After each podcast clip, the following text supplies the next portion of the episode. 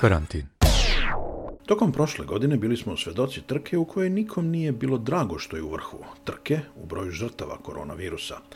A onda su stigle vakcine, tamo gde su stigle, negde još nisu, i sada gledamo trku u kojoj bi svi želeli da su u vrhu. Trku da se vakciniše što veći broj ljudi.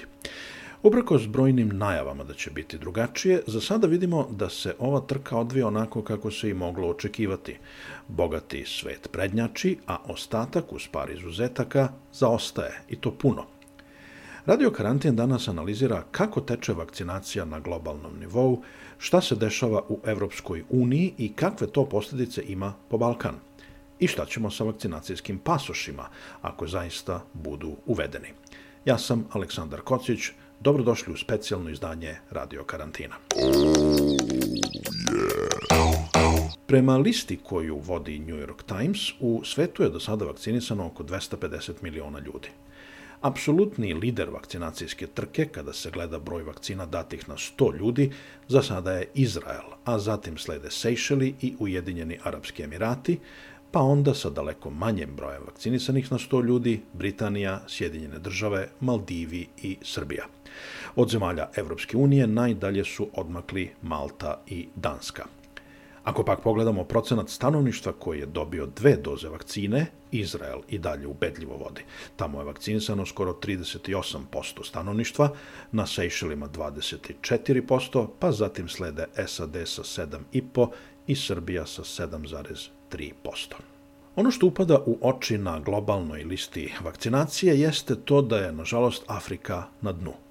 Britanski premijer Boris Johnson pozvao je lidere najrazvijenijih zemalja sveta na nedavnom online sastanku G7 da preduzmu više kako bi i slabije razvijene zemlje dobile vakcine.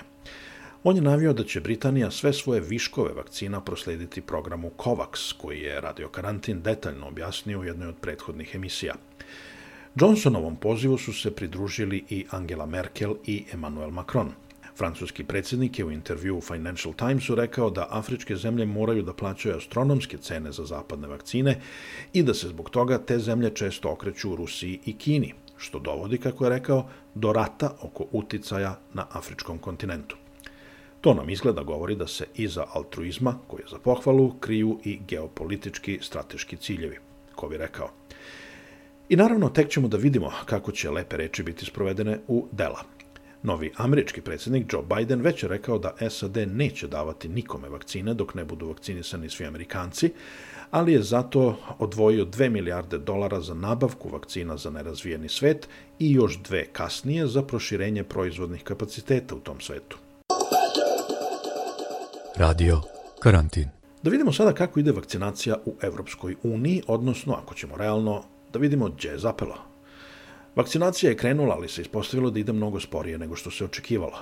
Evropska birokratija je za zastoj prvo optužila proizvođače, pre svega AstraZeneca, da prednost daju Britaniji, pa je čak zapretila zabranom izvoza i uspostavljanjem tvrde granice između Republike Irske i Severne Irske, ali se od toga brzo odustalo. AstraZeneca ima obavezu da Evropskoj uniji isporuči ukupno 300 miliona doza, nekih 30 miliona je isporučeno do kraja prošle godine, oko 90 miliona treba da bude isporučeno do kraja marta, a 180 miliona do kraja juna. E, ali sada se ispostavilo da građani EU nisu baš oduševljeni tom vakcinom, pa se tako u pojedinim zemljama, pre svega u Nemačkoj, gomilaju zalihe neiskorišćenih vakcina. Vakcinaciju prate i logistički problemi. Da li je Evropska unija zapravo podbacila kada je u pitanju masovna vakcinacija? I ako jeste, kako se to desilo? I šta će biti od ideje da se uvedu nekakvi vakcinacijski pasoši koji bi nam omogućili da ovog leta putujemo? O tome sam razgovarao sa berlinskim dopisnikom lista Wall Street Journal Bojanom Pančevskim.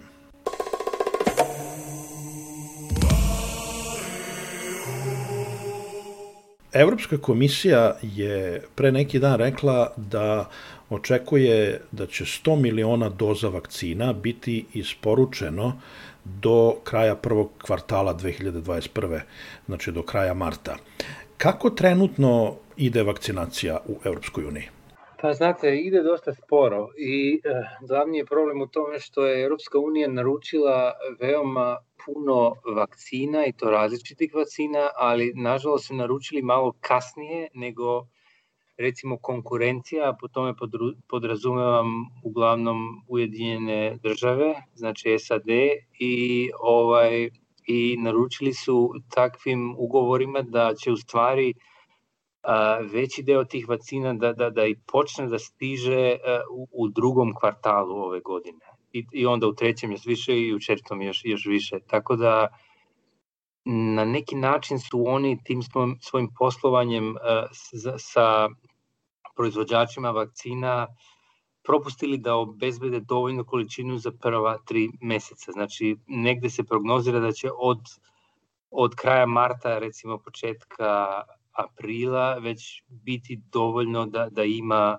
da ima baš neka količina vakcina da se može uh, više ljude vakcinirati uh, diljem Europske unije. Sad to nije slučaj, znate, ovaj, u Nemačkoj, na primer, jako sporo ide ta, sad nisam pogledao naj, naj poslednje e, brojke, ali to je negde nešto iznad 3% bilo i još uvek se vakcinira ta neka najviša grupa prioriteta, to su ljudi iznad 75 godina. Jako sporo se to odvija i usput imaju i, i velike probleme sa logistikom, neke zemlje više nego druge, recimo Danska, Dancima ide odlično, pošto to je ipak mala zemlja, jaka dobra infrastruktura, oni su imaju digitalnu infrastrukturu, isto što je jako važno, čini se, u današnje vreme za vakcinaciju, a, a to, toga nema, na primjer, u Francuskoj. Francuskoj je baš komplikovano um, raspodeliti vakcine um, od A do B, onda kao bukirati te neke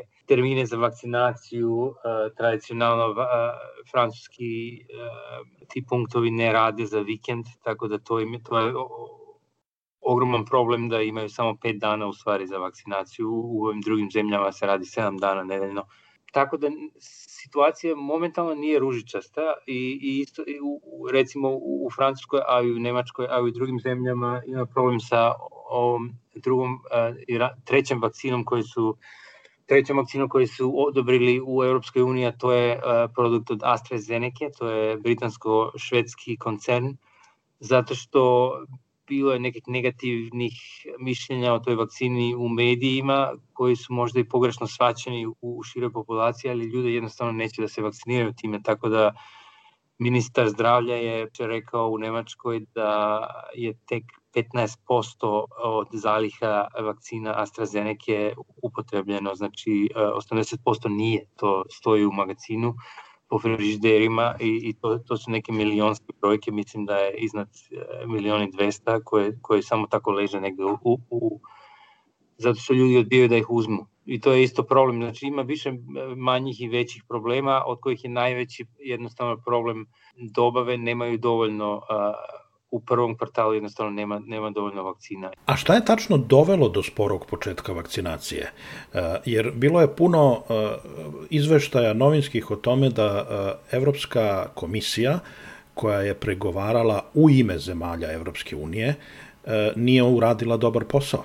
Pa znate kako, nije uradila dobar posao u, u, iz perspektive kritičara, a kritičari su ljudi koji smatraju da je to trebalo da ide brže i da je trebalo da, trebalo da bude više vakcina odmah. A, to oni gledaju šta se dešava recimo u Velikoj Britaniji, koja je izašla iz Europske unije, i Velika Britanija je odmah potpisala ugovore još u junu i ranije od juna i obezbedila ogromna sredstva nekim od proizvođačima vakcine kako bi onda bili prvi na spisku za za isporučivanje i onda su jako brzo isto i autorizirali, tačnije odobrili vakcine za upotrebu. U Europskoj uniji je to sve trajalo puno duže, znači Europska unija je tek u novembru potpisala ugovor sa kompanijom Pfizer i kompanijom BioNTech i s njim su uspeli u Europskoj komisiji tek u oktobru, čini se da je 11. Ovaj, oktobar bio da, da potpišu ugovor, zato što su jako dugo pregovarali zato što su uh, pokušavali da dobiju bolje uslove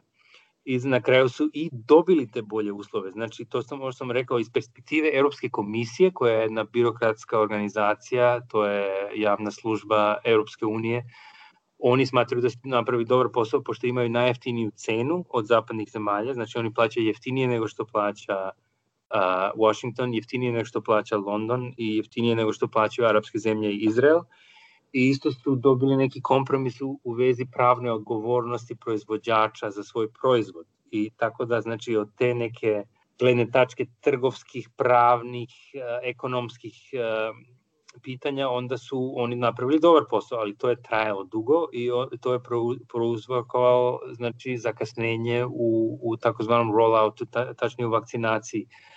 I sad, e, znate, to je neki ah, medijski konflikt između kritičara i oni koji kažu dobro smo to uradili jer ipak važna je pravna odgovornost, jer ipak važna je cena i tako dalje i to sve, ali to je što je da sad nema dovoljno vakcina u prvom kvartalu. A isto drugi problem je da je agencija koja zajednički za sve zemlje Europske unije u stvari odobrava medikamente, to se zove European Medicines Agency sa sedištem u Hagu, čini mi se u, u, u Holandiji, ovaj, ta agencija minimum, čini mi se, mesec dana duže analizirala vakcine nego što je to e, agencija u, u Londonu recimo uradila. Znači Englezi su prvi i jako brzo priznali te vakcine i odobrili ih za, za upotrebu, a Evropska unija to trajalo prilično duže, znači to je isto dodalo nekih mesec dana ili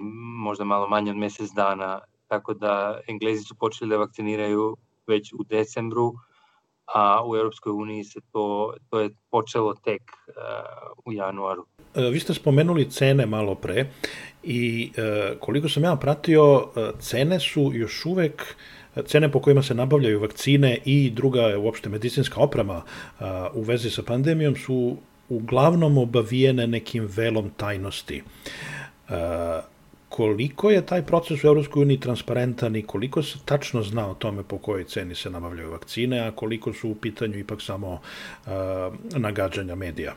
Pa uopšte nije transparentan proces bio, nažalost, i Evropska unija je to rekla da se radi o, o ugovorima sa proizvođačima koji su zahtevali diskreciju ali ovaj, oni su znači, to, po tome se i vidi da su taj, taj celi problem uh, odradili s neke klasične perspektive trgovskih pregovora, ugovora. To radi Europska komisija, uh, to je jedna od glavnih funkcija Europske komisije da, da pregovara trgovske ugovore za zemlje članice, ali transparencija u ovom smislu je, je onda slabija strana, tako da neki ugovori su objavljeni, ali nisu skroz objavljeni, nego je puno dijelova onako ocrnjeno u, kad, su, kad su ih publikovali, znači e, redaktirano se to kaže. Um, uh, ugovor su objavili sa AstraZenecom i ugovor, ugovor su objavili sa CureVac, to je jedan manji nemački producent koji još uvek nije uh, nije izbacio vakcinu na tržište. E sad, razlika je velika, u, u SAD-u su, na primer, u startu objavili cene i objavili totalnu cenu, znači onu početnu koje su platili za vakcine, recimo Pfizeru su čini mi se platili e, milijardu i 900 dolara, ako se ne varam, ili milijardu i 200 hiljada, treba da, treba da proverim. Ovo, to, je, to je bilo transparentnije, cena se znala i tako su i Evropska unija, tako je Evropska unija mogla, tačnije Evropska komisija da kaže pa kod nas je jeftinije bilo, mada u stvari cene nisu objavljene i, i ugovori nisu svi objavljeni i nisu u celosti objavljeni. Znači, transparencija je nije baš bila na nekom nivou koji bi se očekivao kad se troše ove javne pare na tom, na tom nivou, um, pošto ovo ipak nije klasičan trgovački deal, nego radi se o, o javnom zdravlju. A vi ste spomenuli da e, sad vakcinacija ide različitim tempom u različitim zemljama članicama. A, pa ću da zamolim samo da to malo pojasnite. Znači, e, vakcine se nabavljaju centralizovano u Europskoj uniji, ali kad se jednom kad se distribuiraju zemljama, onda je na svakoj zemlji da organizuje vakcinaciju za sebe. Ja sam, na primjer, pre nekoliko dana, do duši ima tome već desetak dana, video nešto što me onako prilično iznenadilo, da je uh, Holandija bila na dnu lestvice i da je više ljudi bilo vakcinisano u Bugarskoj i u Rumuniji nego u Holandiji i tako dalje. E, znači, ta sama logistika, ta sama logistika je na zemljama članicama. Upravo tako i pa u smislu to ovako funkcioniše. E, Europska komisija kupuje za sve i onda se članice prijavljaju komisiji i, i rezerviraju e, svoje kontingente i onda isto se i plaća tako to. tako da uh, onda su on, oni su onda nadležni za distribuciju i za vakcinaciju. E sad neke zemlje to rade puno bolje nego druge neke zemlje. Šampioni su Danci, Holandžani su jedni od najgorih, jako loše im ide. Francuzi isto jako loše im ide. Nemci su negde u sredini. Bugari su isto dosta loši, Rumuni su prilično bolji. E, Mađari su nešto bolji, Malta je odlična, mada to je jaka zemlja. Po, po, po pravilu su manje zemlje, znači prednjače malo, pošto je naravno je da je lakše organizirati vakcinaciju u, u maloj populaciji. Nemačka ima 83 miliona, um, Francuska ima skoro 70 miliona uh, ljudi i tako, to je naravno je teže i komplikovane, ali i pokraj toga čini se da neke zemlje nisu se baš najbolje spravile sa, sa tim um, sa, sa tom uh, vakcinacijom, makar što su imali dosta vremena da se pripreme, imali su sigurno par meseci uh, unapred uh, da, da, da sprovedu taj da sprovedu tu vakcinaciju ili da, da isplaniraju i čini mi se da nisu, najbolje uspeli u tome. A sad raz, raz, razlozi su različiti, negde je politička situacija komplikovana pa nema efikasnosti, nema neke efikasnosti vlasti koja bi trebala da, da bude tamo da da to sve sprovede, da planira, da, da uradi to, a onda imate neki druge probleme u Francuskoj, čini se da u stvari masovno ljudi odbijaju vakcinaciju, to je jedan od razloga verovatno zašto im tako sporo ide. Sigurno je i ono, sistem nije baš najbolji, mora se nešto tamo poduzeti. Ali evo, vi ste sad spomenuli da se slični problemi pojavljuju i u Nemačkoj, pa sam hteo da vas pitam da i to malo pojasnimo oko AstraZeneca vakcine. Prvo je bila uh, frka što AstraZeneca uh, ne može da isporuči brzo ugovorene doze vakcina Evropskoj komisiji, odnosno Evropskoj uniji, a sad imamo i taj dodatni problem da su prvo nemačke zdravstvene vlasti rekle da ne preporučuju davanje vakcine starima od 65 godina. Ako sam ja dobro razumeo, problem nije u vakcini, problem je da nema dovoljno podataka o tome kakav je efekat vakcine na starije osobe. Pa je onda, evo sad, kad smo videli to pre neki dan, i Angela Merkel rekla da ona neće primiti tu vakcinu, zato što ona već ima 66 godina, pa je onda Macron pričao nešto o AstraZeneca vakcini, iznosio sumnje Da li se u Berlinu uh, čuju komentari, da li je to bio dobar pristup u smislu kampanje za javno zdravlje, jer da li su sami sebi sad pucali u nogu na neki način? Pa jesu, to je bila katastrofa i ne samo u Berlinu, nego svugde u, u Evropi. Prvo je, čini mi se i AstraZeneca je sama malo zeznula stvar, pošto oni nisu dobro odradili taj tu, uh, um, studiju u trećoj, takozvanoj trećoj fazi, to je poslednja studija sa deseticama hiljada desetinama hiljadama ovaj, dobrovoljcima i to podatke su nisu baš najbolje e, publikovali, e, izmešali su dve grupe, dve studijske grupe, tako da to je već bila neka kontraveza u startu kako su oni prezentirali svoje podatke i tako su to oni uradili da na kraju nema dovoljno nije, nema dovoljnog broja ljudi starijih od 64 godine koji su primali tu vakcinu kao dobrovoljci da bi se moglo reći koliko je ona u stvari efikasna u toj grupi. Znači, to je početni bio problem. Zbog tog problema bila je velika diskusija da li da, da, li da se dozvoli davanje te vakcine starim ljudima. Europska ova agencija koju smo pomenuli, European Medicines Agency, EMA je u stvari odobrila vakcinu za opštu upotrebu, tako da znači i za starije ljude, ali onda nacionalne agencije, nacionalne vlade odlučuju same u Evropskoj uniji da li će da prihvate tu preporuku ili će da nešto uh, dodaju i onda spunjaju njih nešto dodao, recimo Francuzi i Nemci ne daju vakcinu za ljude uh, starije od 65, u stvari starije od 64 u Nemačkoj recimo. Tako da prvo je to neka sumnja postala, onda ljudi pa zašto se ne daje starijim, znači nešto nije u redu sa vakcinom, znači nema, neko, nema svako vremena da se informiše, da čita o studijama, da čita o brojkama, o statistici, da su to u stvari statistički neki podaci, da je to u stvari birokracija u krajnjoj liniji. Uh, i ovaj i ljudi su ono sumnjičavi onda su neki lideri evo Makrona ste pomenuli on je baš jako negativno govorio o toj vakcini on je rekao da je praktično nekorisna za starije ljude, što uopšte nije tačno. Mislim, to je totalno pogrešna izjava, nema veze s mozgom i onda on je to rekao i to se više ne može poreći. U, u Nemačkoj su svašta pričali svakojaki ljudi i medijumi i sad je postoji ta neka atmosfera da nešto nije u redu sa tom vakcinom i da treba čekati ovu drugu vakcinu od Pfizera i BioNTech. I ona je Merkel pitana da li će Merkel da uzme vakcinu i ona je rekla prosto samo što su pravile, ona ništa nije rekla u vezi vakcine, nego je rekla ja imam 66 godina, znači ja nisam zakonski u, u, u poziciji da primim tu vakcinu u Nemačkoj, pošto naše su vlasti koje su nezavisne te medicinske vlasti su nezavisne od, od njene vlade, a, ovaj, su odlučili da ne preporuče tu vakcinu i onda se oni drže Nemci te preporuke. Samo je to rekla Merkel, nije htela da na neki način daje neku kvalifikaciju o vakcini, nego jednostavno je rekla da ona ne spada u tu kategoriju koja prima vakcinu u Nemačkoj.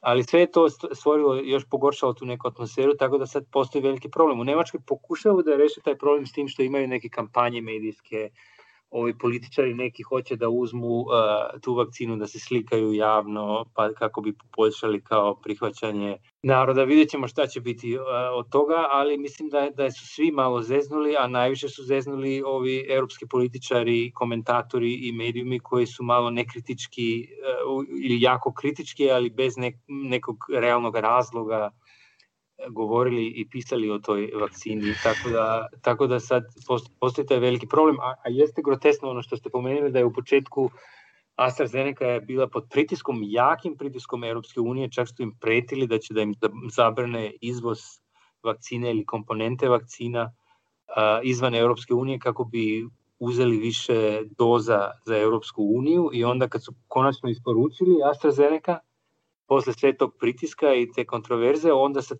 vakcina sedi u magacinima, u frižiderima i niko je ne uzima. Znači, to je neka jedan, pričao sam jednim doktorem u Nemačkoj koji je koji volontira, koji daje, koji vakciniše ljude i on je rekao bilo bi grotesno da sad e, dođemo u situaciju da smo ih ono prisiljavali da isporuče i sad su oni isporučili i, mi, i ne, ne možemo da damo tu vakcinu i to se i upravo i desilo što je on rekao. Plus što imate zemlje kao što je Crna Gora, kao što je Severna Makedonija, koje su se uglavnom za nabavku vakcina oslavljale na Evropsku uniju i sad su u poređenju sa jednom Srbijom koja je igrala na više frontova prilično loše prošli i verovatno će i, i, i tamo u javnosti biti puno pitanja, pa čekaj šta je sad ovo? Da, to je katastrofalna bila greška tih zemalja da se, da se uzdaju u Europsku uniju, da se uzdaju u međunarodnu zajednicu, pošto postoji neki sistem uh, više međunarodnih institucija, uključujući i ove um, sredstva zdravstvene organizacije koji se zove COVAX i on e,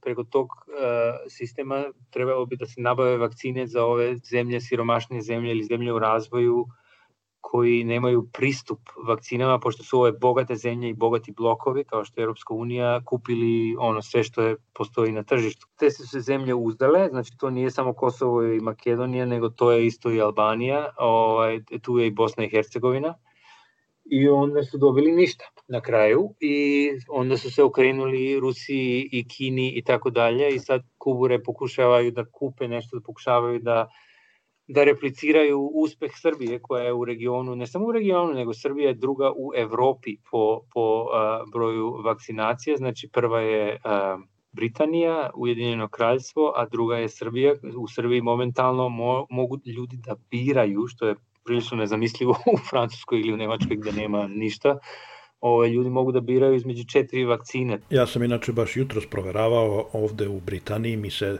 trenutno se koriste samo dve vakcine, uh, AstraZeneca i Pfizer, i proveravao sam kod nacionalne zdravstvene službe, mi ne možemo da biramo uh, ništa, tako da ako odbijete onu vakcinu koju vam je država ponudila, to je to, završili ste. Ovaj, neće vam ponuditi alternativu. Pa tako je i u drugim zemljama Europske unije. Znate, mislim, ovaj, u Mađarskoj, sad momentalno Mađarska je jedina zemlja u EU koja ima i rusku i kinesku vakcinu. Um, I čak što više, oni su se isto ugledali na Srbiju, to znam sigurno, pošto sam razgovarao sa sa zvaničnicima u, iz Budimpešte i ovaj, oni su mi rekli da su ono pomno pratili situaciju u Srbiji i kad je došla informacija da to u stvari deluje on, i da su vakcine dobre ili da, da misle Srbi da su vakcine dobre, onda su, onda su Mađari naručili od, od Rusa i od Kineza ali u Mađarskoj se isto ne može birati, nego imate ovaj, rusku, imate kinesku, imate Pfizera, imate Modernu čak i sad imate AstraZeneca, znači oni u, u biti imaju pet vakcina, ali ne može se birati, nego ono što dođe u vašem okrugu gde vi živite, o, vi to dobijete i to je to. A ako odbijete, onda idete nazad u, na spisku pa morate da čekate iznova. To je logična politika, pošto kad bi svi počeli da biraju, a nema dovoljno, realno nema dovoljno vakcina, znači onda bi, onda bi neke vakcine se uopšte ne bi uzimale, znate. Tako da, evo šta se desilo sa AstraZeneca u Nemačkoj, imate ono milioni 200, minimum milioni 200 da ja znam, da stoje u frižideru i niko ih ne, ne dira. Znači, ako dođe takva situacija, to je naravno kritično. Mađarska je dobila dozvolu Evropske unije da uveze uh, Sovjet, oh, rusku vakcinu Sputnik V i da je koristi samo u svojoj zemlji. Uh, šta se trenutno zna? Bila je neka, bilo je nekih izveštaja da je Angela Merkel zainteresovana za uh, tu opciju. Šta se trenutno zna o statusu uh, ruske vakcine u Evropskoj uniji? Pa vidite prvo malo o tom procesu uh, odobravanja, znači uh, zemlje članice Evropske unije imaju pravo, puno suvereno pravo da odobravaju šta god hoće od lekova i medicina uh, za urgentnu upotrebu na svoje teritoriji. Znači oni uopšte ne moraju da čekaju na evropske agencije, nego mogu to da rade sami, a mogu i da kupuju sami. Samo što neću, sad, do sada su se drznali samo Mađari da ono unilateralno, samostalno odobre za upotrebu vakcine iz e, Rusije i iz Kine. To mogu svi da urade, ali neću. Svi su solidarni, znači drže se na istoj liniji i čekaju Europsku agenciju za e, medicine da, da donese svoj sud. Ali to inače teoretski mogla bi i Francuska i Nemačka i svaka druga zemlja članica Europske unije, to nije nikakav problem, to se jako brzo radi. Čak se više imaju, ove veće zemlje imaju i bolji kapacitet. U Francuskoj je Louis Pasteur institut, uh, u, u Nemačkoj je, je Paul Ehrlich institut i ovaj Robert Koch institut, znači oni imaju kompetenciju, oni imaju ljude koji imaju odlične stručnjake koji bi mogli to da odrade jako brzo i jako dobro, ali oni se drže te solidarnosti Europske unije. Znači, to je jedno što se tiče političke strane stvari, a ovaj, što se tiče uh, ruske vakcine, ona je uh, puno transparentnija u stvari nego kineska vakcina ili kineske vakcine, pošto više je njih. Um, pošto su ruski, taj institut Gamaleja koji je um, razvio tu vakcinu, uh, oni su dali podatke um, profesionalnom časopisu Lancet iz, iz Engleske i ovaj, to je sve objavljeno, znači to je takozvani peer-reviewed studija, to je studija od eksperta a, pregledana koja, koja je odlične rezultate objavila. I znači to sa kineskom vakcinom nismo to imali, mi nismo videli u stvari podatke javno te treće, zadnje, najvažnije faze ispitivanja vakcine. Tako da ruska vakcina sad je na dobrom glasu u Evropi. Angela Merkel, a i njen ministar su rekli da ako Evropska agencija za medicine odobri tu vakcinu, onda bi oni rado to videli da se daje ta vakcina u Evropi i u Nemačkoj. A da li se zna, da li je ruska vakcina uopšte, e, da li, su, da li je Gamelea uopšte podnala zahtev IMA-u e, za odobrenje ruske vakcine u Evropskoj uniji ili nije. Zato što je pre par nedelja izbila zbrka oko onih tvitova. Ovi su Rusi okačili sliku kako su predali zahtev, međutim ispostavilo se da ga nisu predali na pravoj adresi. To što su rekli, to što je bilo javljeno po ruskim medijima nije bila istina. Nisu oni ovaj, predali i to je demantirala Evropska agencija za medicine. Znači sad, evo, baš se upravo gledam da li su možda juče ili prekjuče podneli zahtev, ne vidim baš da jesu, tako da ono što ja znam da nije da nisu, u stvari nisu, to je to nije mala stvar, znači to je jako komplikovan proces. Evo vidim nisu nisu po, ne piše na web sajtu od EMA, znači to je European Medicines Agency, um, tako da ja mislim da nisu. Još nisu i to nisu pretpostavljam zato što je to jako komplikovano, zato što to treba puno uh, više informacija da se daju nego za časopis, iako i, i ono, uh, studija u časopisu objavljena u takvom renomiranom, odličnom časopisu kao Lancet, to podleže proverci, to nije mala stvar, ali ovo, regulatori su još, još puno uh, rigorozniji i oni trebaju njima puno takvih informacija, a što je, pretpostavljam u ovom slučaju, od, od, po onome što sam čitao i što sam istraživao, informacija o proizvodstvu vakcine, znači o, o industrijskim kapacitetima je slaba tačka, pretpostavljam, Rusija. Pošto ovi drugi koji su dobili dozvolu, znači Pfizer, BioNTech, Moderna, AstraZeneca, e, i tako dalje, ovaj, oni su morali da pokažu da imaju uh, industrijske kapacitete koji su sertificirani, koji su po svim standardima, koji su po tim standardima Europske unije i koji, koji su mogućnosti da isporuče izvesne količine. E sad, Rusi po svemu sudeći možda i nemaju te kapacitete, pošto kod njih je vakcinacija isto jako spora. Znači, oni su možda i prvi u svetu, čini mi se, odobrili svoju vakcinu i uopšte vakcinu koja je odobrena od, od zvaničnog regulatora, ali jako sporo ide tamo vakcinacija zato zbog količine. Tako da mislim da tu možda postoji problem da oni moraju da pokaže da imaju uh, produkciju po standardima i da to izvesna količina može da se garantuje, a oni pretpostavljam nisu baš u mogućnosti da to, to tako lako nabave. Da oni, oni sad proizvode vakcinu isto u Kazahstanu, evo potpisali su deal sa Srbijom da, da, da se tamo pakuje vakcina, znači oni pokušavaju, isto pregovaraju sa nemačkim nekim firmama da, da, da povećaju proizvodnju, da, da počnu da proizvode tu vakcinu i u inostranstvu. Ok, sad smo možda malo u domenu špekulacija, ali to praktično ukazuje da standardi za odobravanje vakcina nisu baš isti od zemlje do zemlje u ovoj situaciji, iako bi trebalo da budu i trebalo da prate smernice Svetske zdravstvene organizacije. Jer ako vi kažete moguće da je u Evropskoj uniji zapelo zato što nemaju, ne mogu da podnesu dokumentaciju, to traje, nemaju proizvodne kapacitete, a u Srbiji odobre preko noći rekao Vučić i teraj. Tako i u Mađarskoj bilo, tako i na drugim, u drugim zemljama, je Ujedinjeni Europski, eh, Arapski Emirati i tako dalje, ona sve te zemlje koje to koriste, oni su domeli, doneli odluke neke koje su možda i zdravo razumske, znate, njima trebaju vakcine i sad nemaju oni šta da petljaju tu, nego eh, odobravaš i idemo i vakcinišemo, pa dok ima, ima. E sad, Europska unija je, je jedna birokratska tvorevina koja se drži tih standarda i tu nema neke fleksibilnosti uopšte. Tako da i, u, i zapadne agencije su, e, mislim, regulatorske agencije, pa znate da, da imate vi neki novi lek i da to priznaju, da se to da ljudima, to uvek to traje godinama u normalnoj situaciji. U ovoj pandemiji to je neverovatan rekord. Overen da je u, u toku od nepune godine odobrena nova vakcina, to je nezamislivo bilo ovaj u prošlosti, to se nikad nije desilo do sada. Tako da ovo je znano iznimna situacija, ali toliko fleksibilni ipak još nisu, tako da ja ne verujem da mogu a, a, Rusi da prođu na tu foru da je sad kao nešto urgentno, pa možda ta, manufakta, ovaj, proizvodni kapaciteti nisu tako bitni, pošto znam recimo od Pfizera da su kad su kasnili, a, sa, kad je njima kasnila a, ovaj, kad je kasnilo odobrenje od Europske agencije, da je jedan od glavnih a, ne problema, nego pitanja koje su analizirane bile, to, to, je, to je bila upravo ta produkcija. Znači morali su oni da pokaže da su njihove fabrike po svim propisima, tako da to je čisto birokratija tu nema napred ni nazad, nego ta, to, će, to će tako biti. E sad, da li je to dobro ili loše? Naravno, dobro je jer štiti potrošača, to je u stvari glavna funkcija regulatora da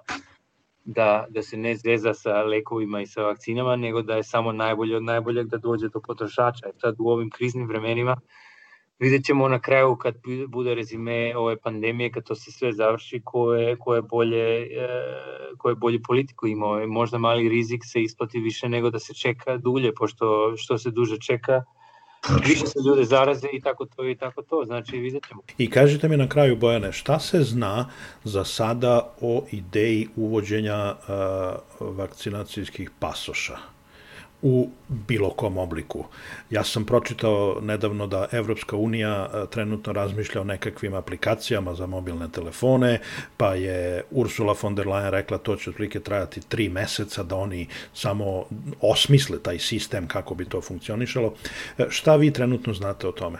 Pa ukratko oni hoće da imaju standardizirani sistem i to će biti sertifikati, neće to biti pasoše, ali hoće da imaju sertifikate vakcinacija koje bi svaki čovek, svaki putnik mogao da priloži na nekoj granici, na aerodromu recimo, i da, koji, se bi, mo, koji bi bio sa kodom, sa onim QR kodom koji se skenira. Znači to je, u pitanju je kod koji se može skenirati na granici brzo da vidi granični radnik ovaj, koji to kontroliše da li je ta osoba stvarno primila vakcinu i kada je primila vakcinu i oni e, hoće da postoji standard, neki sistem koji je po standardu, kako ne bi bilo falsifikacija, kako ne bi bilo ovaj, problema sa priznanjem vakcinacije, možda se neko vakcinirao recimo u Švedskoj, pa je dobio drugačiji neki sertifikat koji nema taj kod, pa u Mađarskoj ga ima ili obratno.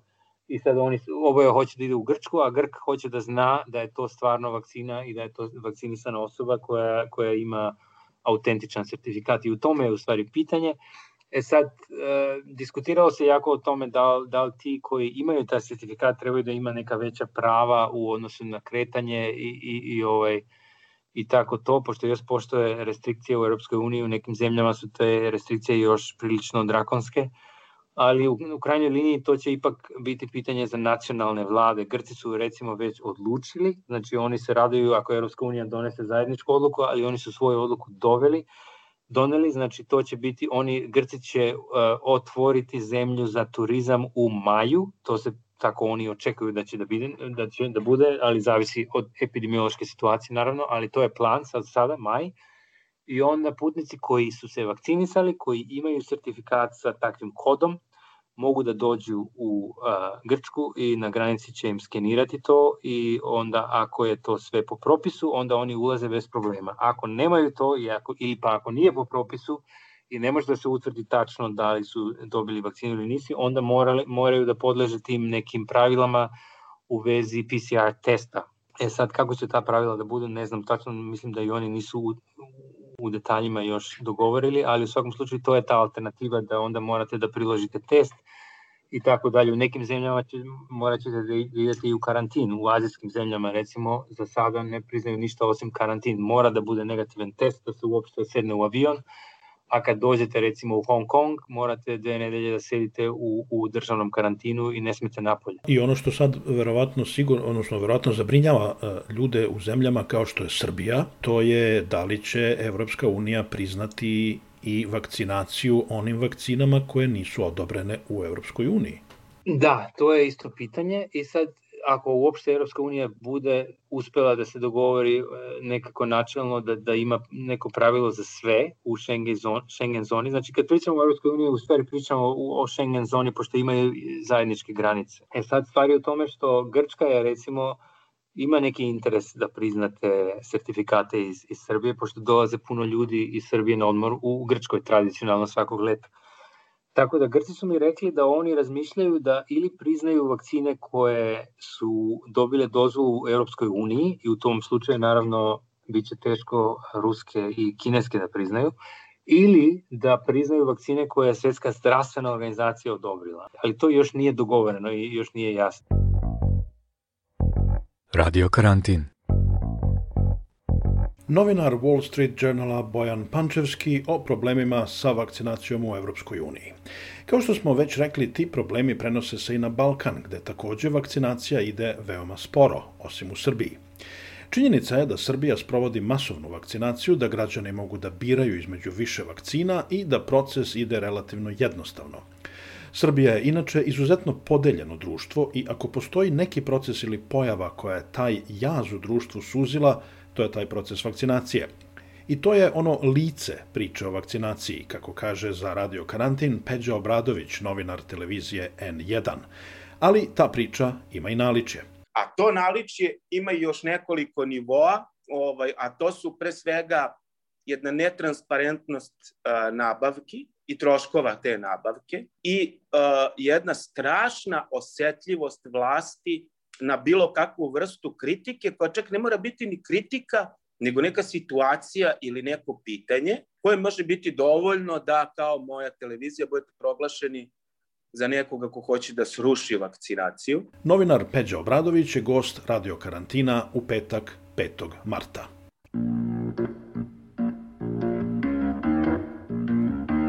Radio karantin.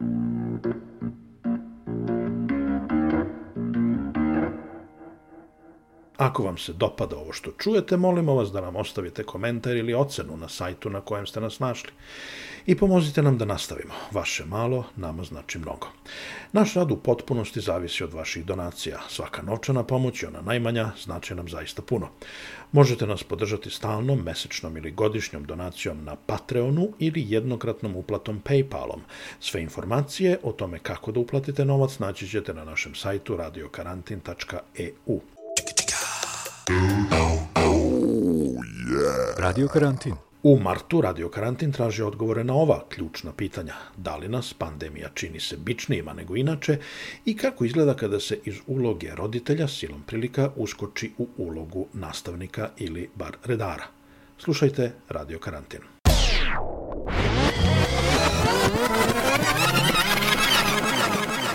Radio Karantin.